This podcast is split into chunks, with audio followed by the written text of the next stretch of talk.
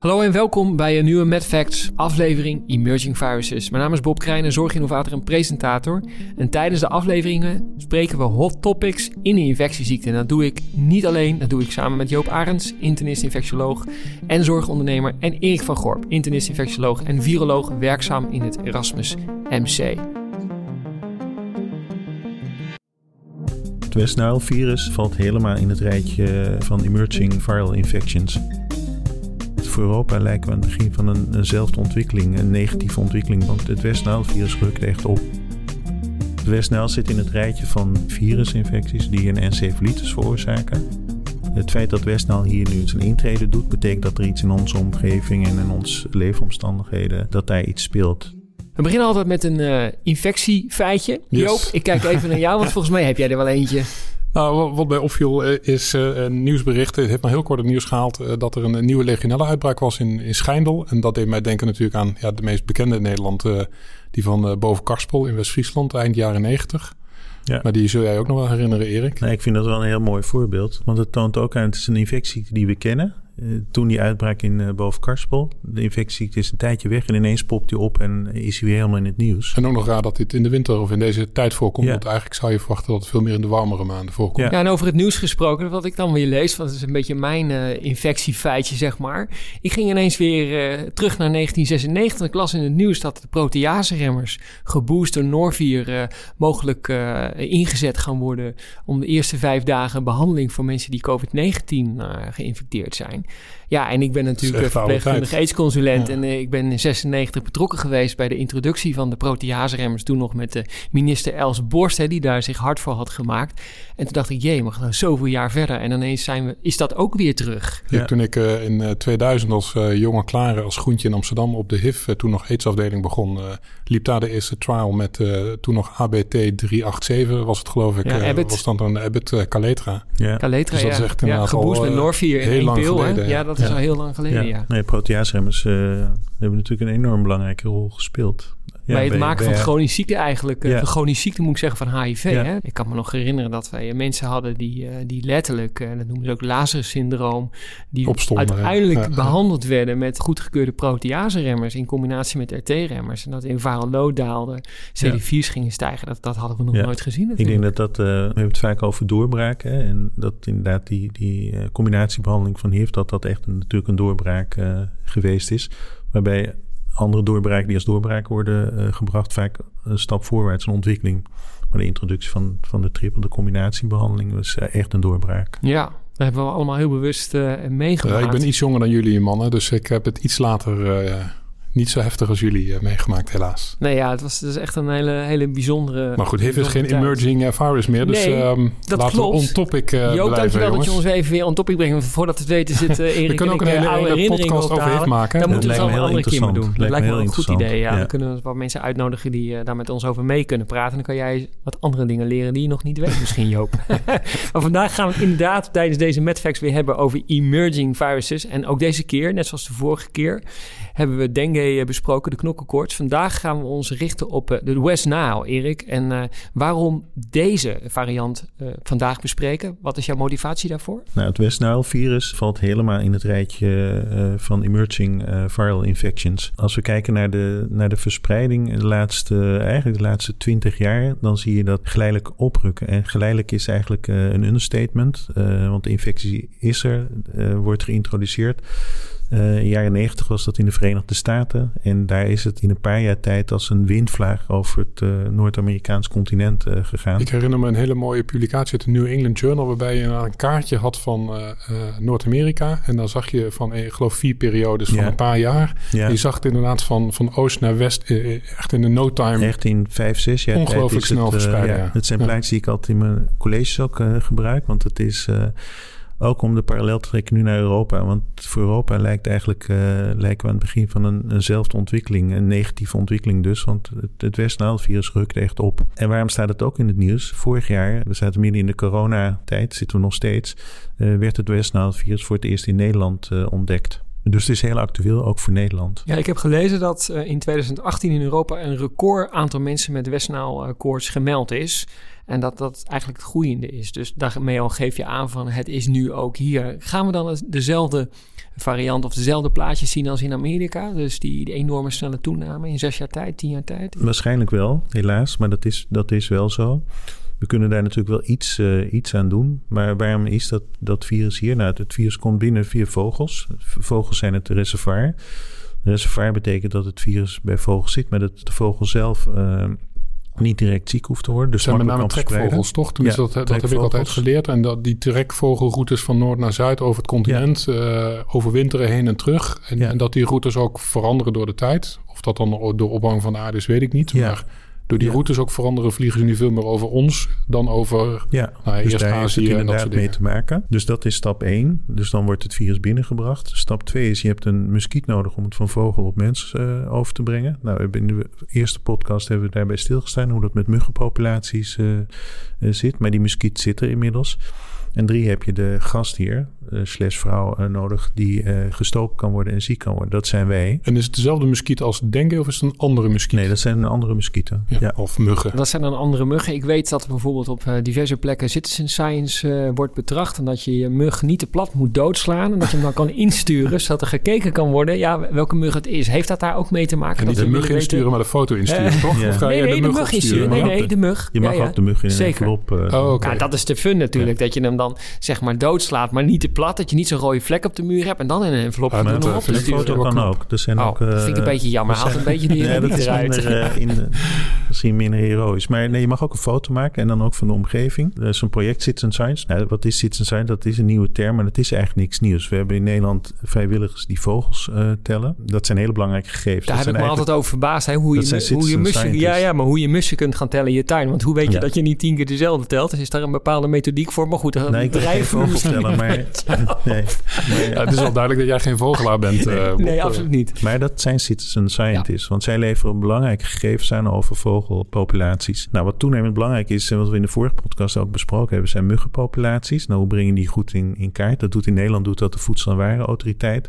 Dus er is een melding. De Voedsel- en Warenautoriteit gaat kijken. De mug wordt, wordt geïdentificeerd. Of dat een gewone huistuin- en keukenmug, de Nederlandse mug of een tropische mug is. Maar dat, dat, zijn, dat geeft nog niet een, een plaatje van hoe het in heel Nederland uh, zit. Nou, daar kun je heel goed burgers uh, voor inzetten. En dat is de term citizen scientist. En die moet je een tool uh, geven. dat kan zijn dat je de mug opstuurt, maar er zijn ook apps ontwikkeld. Uh, dat zal jou aanspreken. Ja, daar, zorginnovator. Daar daarom uh, wist ik dat het foto's waren. ja, ja ik, vind, ik, ik ben ook heel erg van... Ik ben zorginnovator. Ik ben heel erg voor de apps natuurlijk en de ja. ontwikkeling. Maar ik vind een beetje terug naar vroeger vind ik dan ook wel weer geinig. Ja, dat is naar beide kan. Ja. Maar met die app wat je dan kunt doen... Je maakt een foto van de mug en van de omgeving waar je hem gevonden hebt. En dan uh, een expert panel identificeert de mug. Of dat een je huistuin- en keukenmug of een tropische mug is... En kijkt ook naar de omgeving. Of, of, uh, of dat een omgeving is. Nou, we hebben het eerder over gehad. Dus als daar water en dan, dan klopt dat. Nou, dat geeft heel veel informatie. En het is een methode die ook voor, voor muggenpopulaties al beproefd is in zit andere landen. Zit daar een stukje AI achter? Want ik kan me voorstellen dat niet iemand de hele dag muggen zit te kijken. Zit daar een stukje AI achter die identificeert welke mug het is? Zo'n stukje wel, maar er zitten ook echt experts te kijken. Want mensen fotograferen ook dan niet alleen muggen, maar ook vliegen. Nou, daar zijn we dan minder in geïnteresseerd op dit moment. Vorige keer hebben we natuurlijk bij de dengue gezegd dat die mug uh, specifiek op een bepaald moment van de dag prikt. Is dat ja. voor deze mug dan ook weer een ander moment? Ja, deze kan, kan overdag prikken. Dus westnaal kun je... Ja, ook dat je dag en nacht tegen muggen moet beschermen.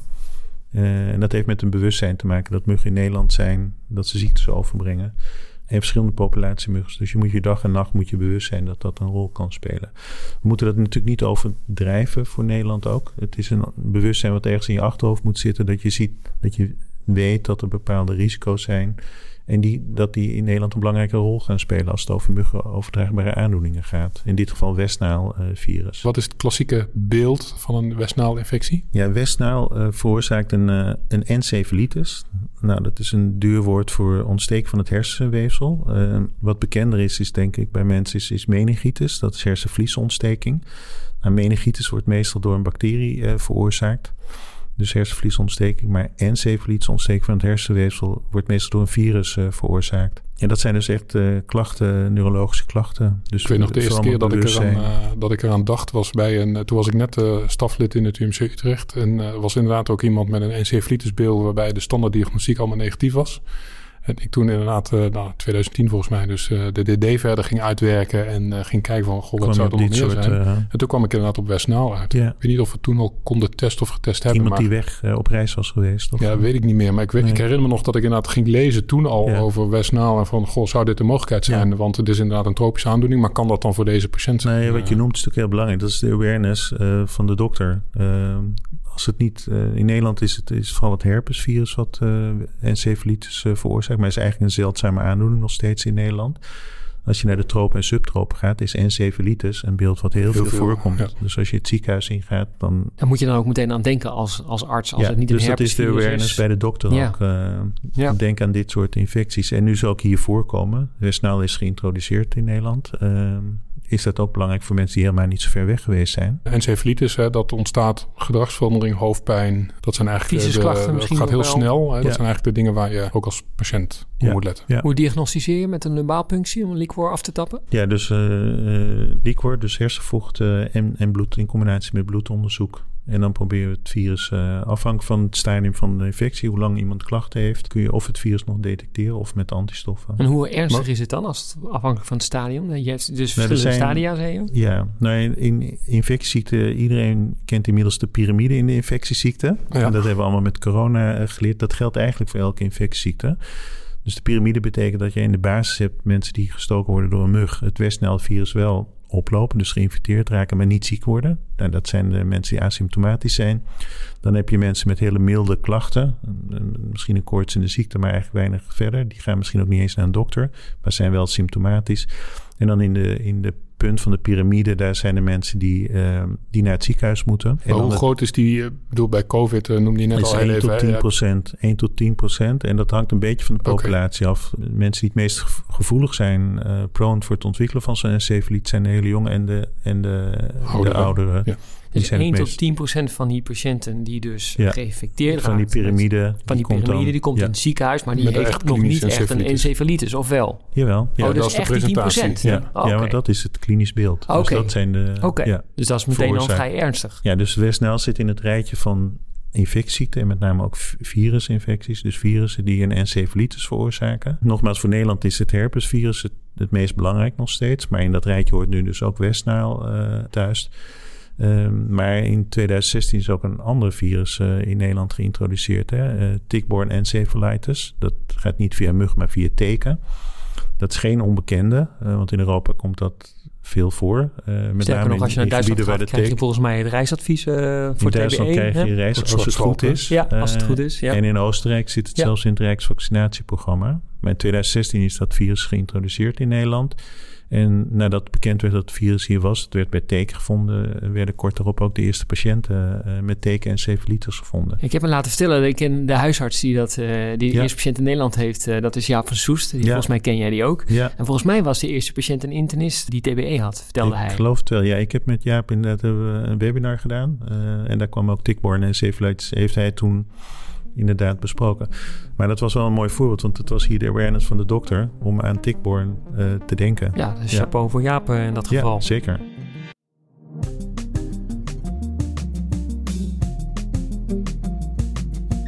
Terug naar eh, West Nile, want eh, in die piramide, daar zijn, daar zijn denk ik twee dingen. Want vorig jaar is er de eerste officiële casus dan gediagnosticeerd. Maar dat is dus die top van die piramide in het ziekenhuis. Daaronder zitten een aantal mensen die mogelijk asymptomatisch of een beetje hoofdpijn of iets hebben. Ja. Die niet gedetecteerd zijn. Dus wellicht hebben we het al vaker gehad in Nederland. Weten ja. we dat? Ik denk wat je noemt, uh, Joop, is, is, is surveillance. Dat is heel belangrijk. Ja, dat wou ik inderdaad vragen. Dat- Kunnen alle ziekenhuizen in Nederland het ook testen? Ehm, Dus weten we echt zeker, want eh, dit kan, eh, zoals ik net vertelde, ik heb er een keer aan gedacht in een academisch ziekenhuis, misschien bij een infectieafdeling. Testen alle ziekenhuizen inmiddels gewoon. Nee. nee, dus dan moet je het materiaal opsturen, maar dat is niet zo moeilijk. Ehm ja, surveillance, daar bedoelen we met, dat is een mooi woord voor monitoring. Hè? Dus je denkt eraan en, en je, je stuurt materiaal op. Of je kunt in je eigen ziekenhuis, maar dat is vaak opsturen. Nou, wie stuurt het Eh, op even voor de duidelijkheid? Eh, nou, het kan in ieder geval bij het RIVM en in het Erasmus eh.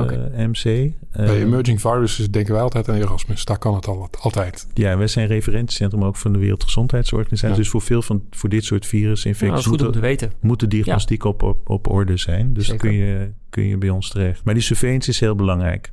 Dat betekent als je iemand hebt met de encefalitis en het is geen herpesvirus, dan kun je denken, nou, dat is toeval, dat is jammer.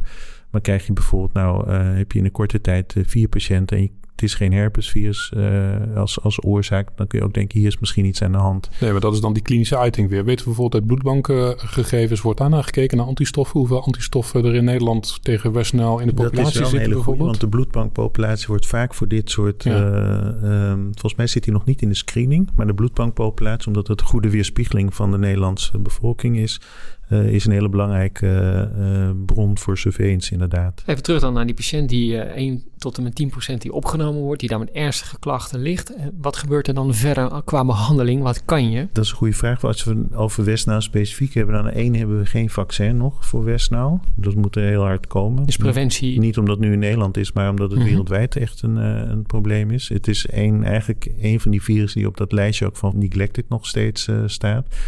Dat is belangrijk. En qua behandeling hebben we geen gerichte antivirale behandeling. Uh, dus ook dat, vorige keer ook genoemd, is echt een open veld. Voor dit soort virusinfecties hebben we eigenlijk geen gerichte behandeling. En dat betekent dat de behandeling ondersteunend is. En wel belangrijk om de diagnose te stellen, omdat de diagnose ook iets over de prognose zegt. Uh, en het herpesvirus, wat in Nederland nog het meest voorkomt als oorzaak van encefalitis, kunnen we wel gericht behandelen met acyclovir. Maar als je weet dat het is geen herpesvirus, dan weet je ook dat, je, dat die behandeling niet aan zal slaan. Maar een herpesvirus geeft ook een slechte prognose over het algemeen, zeker bij ouderen. Ja. Veel neurologische schade, ja. slechte uitkomst. Hoe zit dat met, met uh, Westnaal? Hetzelfde. Ook hetzelfde. behoorlijke schade? Ja, okay. maar belangrijk is dat we de vorm van de piramide ook kennen. En belangrijk dat we die ook voor Nederland leren kennen. Want we kennen Westnaal wel uit andere werelddelen. Maar dat betekent ook niet dat de verspreiding en de ernst van ziekte per se hetzelfde hoeft te zijn als wij ons vergelijken met een land in Zuid-Amerika. Of, uh, dus je moet in jouw land, uh, in jouw populatie, ook opnieuw kijken hoe die piramide, dus hoeveel asymptomaten hebben, hoeveel mensen met symptomen en hoeveel mensen komen uiteindelijk in het ziekenhuis. En uh, komt dat beeld overeen met het beeld wat we in andere delen van de wereld uh, zien. Ja, nou, want nu hebben we hebben het over Nederland, maar eigenlijk waar het nu al, al een tijdje, een aantal jaren behoorlijk verspreid is, is de Balkan, Oost-Europa. Ja. ja. In hoeverre lijken die dan op Nederland of juist niet? Of wat moeten wij leren van, ja, niet leren eigenlijk van de verspreiding zoals die daar is geweest? Wat kunnen we daarvan leren in de zin, wat moeten we dus niet doen om te ja, zorgen dat klinisch het... beeld lijkt, lijkt wel op elkaar. Als je inderdaad, want Westnaal is niet nieuw. Op de Balkan is het eigenlijk al sinds de jaren 60 uh, wordt het al beschreven. Dus het virus is er wel. En dit is eigenlijk een van die mirakels in de infectieziekte en in de virologie. En een virus is er. Het blijft allemaal heel erg beperkt. Hoe komt dat? Maar nog belangrijker de vraag: hoe komt het nou dat een virus ineens zijn kans uh, pakt en zich verspreidt? Heeft dat met ons te maken, met ons uh, leefgedrag? Heeft dat met de omgeving te maken? Ik voel dat het de retorische vraag is die jij ja. niet gaat beantwoorden. ja, dus ik wou hem eigenlijk aan jullie stellen. dat maakt, denk ik, infectieziekte en virologie zo spannend. Het nou, is heeft een dat dus met de inrichting van, van onze maatschappij te maken? Dat speelt zeker een hele belangrijke factor. Uh, want in het algemeen kun je zeggen: een virus moet zich thuis voelen in een omgeving. Een virus, in dit geval Westnaal, heeft een muskiet nodig. Die muskiet moet zich thuis voelen, die moet kunnen overleven. En wij moeten als gastheer, slash vrouw, moeten gevoelig zijn voor die infectieziekte. En daar kunnen verschillen zitten in, in bepaalde populaties. Uh, maar dat geeft al drie factoren aan die belangrijk uh, zijn. Maar er zijn er nog een aantal. En dat maakt het veld van infectieziektevirologie zo dynamisch. Omdat dat voor elke infectieziekte net weer een beetje anders uh, is. Erik, als we dan op Westnaal inzoomen. Hoeveel zorgen maak jij over Westnaal in Nederland toenemend? Nee, ik denk qua voorspelling dat het wel toe gaat nemen. Ik denk dat het belangrijk is, is dat we Westnaal ook als een voorbeeld uh, uh, zien. Want het is natuurlijk niet alleen Westnaal. Het is een ontwikkeling. Het feit dat Westnaal hier nu zijn intrede doet, betekent dat er iets in onze omgeving en in ons, onze leefomstandigheden uh, dat daar iets speelt. En ik denk dat dat een breder bewustzijn uh, moet zijn. Dat we meer gevoelig en meer blootgesteld worden aan nieuwe infectieziekten. En daar moeten we denk ik in bredere zin ons op voorbereiden. Wat betekent dat? En met name, hoe kunnen we dat voorkomen of zoveel mogelijk beperken? Ja, want er is geen vaccin, hè? Nee, voor Westnaal is nog geen, uh, geen vaccin. Ik noemde het al eerder, het, het, zit nog op het lijstje wat dat betreft van neglected disease. Daar zal ook toenemend aan gewerkt uh, worden. Maar het is er nog niet. Wat je zegt, hè, de, het gaat dan meer over inrichting, politieke wil. Uh, hoe gaan we met beleid, uh, met bepaalde dingen om? We gaan echt naar uh, preventie dus nu. Ja, mijn punt was, oké, okay, dus we gaan nu kijken naar preventie. Wat, ja, wat dus kunnen dat we dan wilde doen? ik ook zeggen. Ja. Dat, je, je maakte net al heel even de analogie met tickborne encephalitis. Daarvan weten we nu, één, hebben we natuurlijk een vaccin. En twee, als je dan naar het Zwartsveld gaat... eh, dan is dat heel gericht. Loop je daar ineens heel veel risico, dus moet je beschermen. Ja. Maar die risico risk-benefit ratio, om even in Engels, mooi Engels te zeggen, die is in Nederland natuurlijk nog heel anders. Want het risico Ja. is nog niet heel erg groot. Nee, in Nederland Kan zou je wel, dus hoe ga je daarmee om? Ja, in Nederland kun je zeggen als je nou heel intensief in, in bosrijke omgevingen komt... waar veel teken, eh, nee, bijvoorbeeld boswachters... Nou, dan, dan is dat een populatie die je ook in Nederland zou eh, kunnen vaccineren. Dus dat is inderdaad een, een eh, ja, soort risk assessment... om er maar een eh, slecht Nederlands Ja. woord voor te gebruiken. Dus een, een, een risicoafweging. Eh, wanneer is het, valt het, eh, de balans zo dat je zegt... ja, hier moeten we breder voor gaan vaccineren. En dat risico is voor Westnel natuurlijk nog heel erg laag. Want Ja. we weten niet zoveel van die piramide, maar het aantal cases nog heel erg laag. Ja. Dan kan ik me voorstellen dat de awareness ook niet heel erg hoog is in Nee, Nederland. niet om bij daar het nu publiek en ook niet bij dokters inderdaad iets nog. aan te gaan doen. Nee, dat klopt. Maar daarom denk ik dat het nog veel belangrijker is wat ik net zei. Dat het een bewustzijn is van... Hey, we worden geconfronteerd eigenlijk steeds vaker met nieuwe infecties. Ook infecties die eigenlijk van nature helemaal niet voorkomen. Dus er, er verandert toch wel in korte tijd iets eh, in onze omgeving. En eh, het ontwikkelen van een vaccin is een hele mooie oplossing. Maar het is niet één infectie. Het zijn meer infecties die hier... ehm, dus alleen vaccinontwikkeling is Nee, dus je pleit voor een grotere aanpak eigenlijk. eh, een bredere aanpak. ja. Ja. En dat heeft met omgeving, hoe richten we onze omgeving in? Maar ook wat doen we zelf? Wat, wat zijn de leefstijlfactoren die maken dat infectieziekte grip op ons krijgt? Hè? Niet zo moeilijk als leefstijl. Dus laten we daar eens op inzoomen. Wat is jouw advies dan als het gaat om muggenoverdraagbare aandoeningen? Wat zou jij kunnen of willen adviseren? Of denk je dat we in Nederland in de toekomst moeten gaan doen qua leefstijl? Nou, qua leefstijl, ehm, als, als wij zeg maar in die zin een, een subtropisch land worden, dan, dan moeten we ernstig rekening houden met muggenoverdraagbare aandoeningen. En dat heeft direct invloed hoe we onze omgeving eh, inrichten. En dat staat nu geleidelijk steeds meer wel op de agenda. Als we kijken naar de stad van de toekomst, hoe richt je dat, eh, hoe richt je dat in? En dan denk je met name ook aan de combinatie water, mug, eh, mens. Ja, Ja, als wij dit- iets dit- veel hebben in Nederland is het water Ik volgens wou net mij. zeggen, de eerste Westnaal eh was in de regio Utrecht. Nu woon ik zelf in Utrecht. Moet ik me zorgen gaan maken. We breiden heel erg uit. Ja, heel veel kanalen in. Utrecht. Hè? Heel veel, heel veel water. en, eh, heel, veel, heel veel nieuwe aanbouw. Moet, moet ik me zorgen maken? Moet ik verhuizen? Nee, nee, dat zou ik zeker niet doen. Nee. nou ja, het is Maar altijd goed om Rotterdam te gaan, Joop. Ja, maar ik, ik denk in, in bredere zin wel. En dat staat ook op de agenda. Dat is eigenlijk eh, de stad van de toekomst. Hoe moet die eruit zien? En daar spelen al dit soort factoren een rol in. En dat staat ook echt al op de agenda eh, steeds meer. Het klinkt ook wel dat het iets op onze agenda voor emerging viruses kan. Dat we een keer gaan hebben over de stad van de toekomst. Hè? Waar denk je dan aan? Waar kijk je Ja. dan naar? Zijn er al voorbeelden in de wereld? Ja, Wat kunnen we ervan leren? Dat is een het is wel leuk om te noemen. Ik heb vorig jaar een, eh, met jonge beleidsmakers eh, van de stad Leiden... dan hadden we een, een, een- een workshop, masterclass eigenlijk over, over dit thema...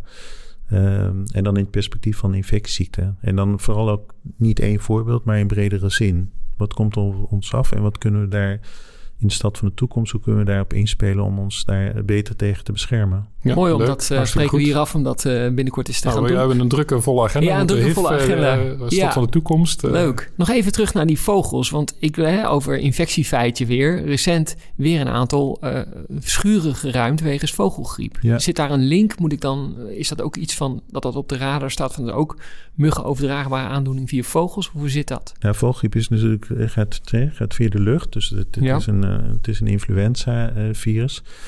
Ik, ik vind zelf wat ik daarin overhoud is de massaliteit. We doen veel dingen. We houden dieren, een groot aantal dieren in één ruimte. Dat, dat is een risico. Een uitbraak is meteen ook huge. Dat is, eh er ten moeten de stal. Ja. Maar dat geldt ook voor wat wij als mensen doen. Want we, Ja, precies we vergelijkbaar le- natuurlijk. We leven in verstedelijkt gebied. Ja.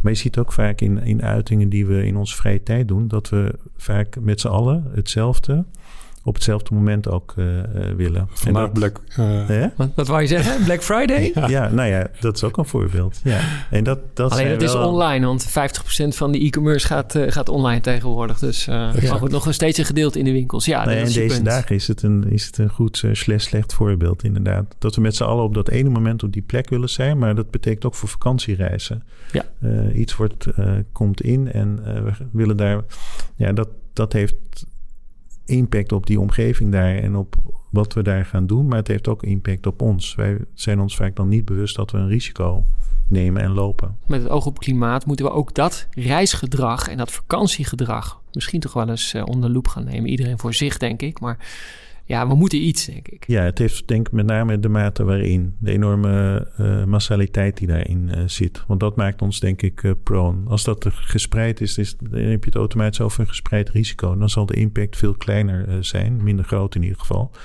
Maar dat massale karakter maakt dat we nou, veel druk leggen op onze omgeving maar die omgeving ons ook beïnvloedt in, in de negatieve zin. En hiermee zijn we aan het einde gekomen van weer een nieuwe Mad Facts Emerging Viruses. En uh, dat was vandaag over West Nile, samen met uh, Erik van Gorp en Joop Arends weer natuurlijk. En we hebben afgesproken in ieder geval over de stad van de toekomst te gaan praten, heren. En over HIV dus uh, genoeg te doen. ik vond het weer een hele leuke en leerzame aflevering. Ja, zeker. Zeker, Eens gelijk, ja. Luisteraars, bedankt voor het luisteren. En Jordan natuurlijk bedankt voor de techniek en de editing. En mocht je andere Mad Facts podcasts willen luisteren, ga dan eens naar www.medicalinnovationcompany.com. En daar vind je ook ons e-mailadres info at medicalinnovationcompany.com. Voor vragen, opmerkingen, commentaren, alles is leuk. Dus mail ons gerust. Alles is welkom, zeker. Tot de volgende keer. Tot, ziens. Dag.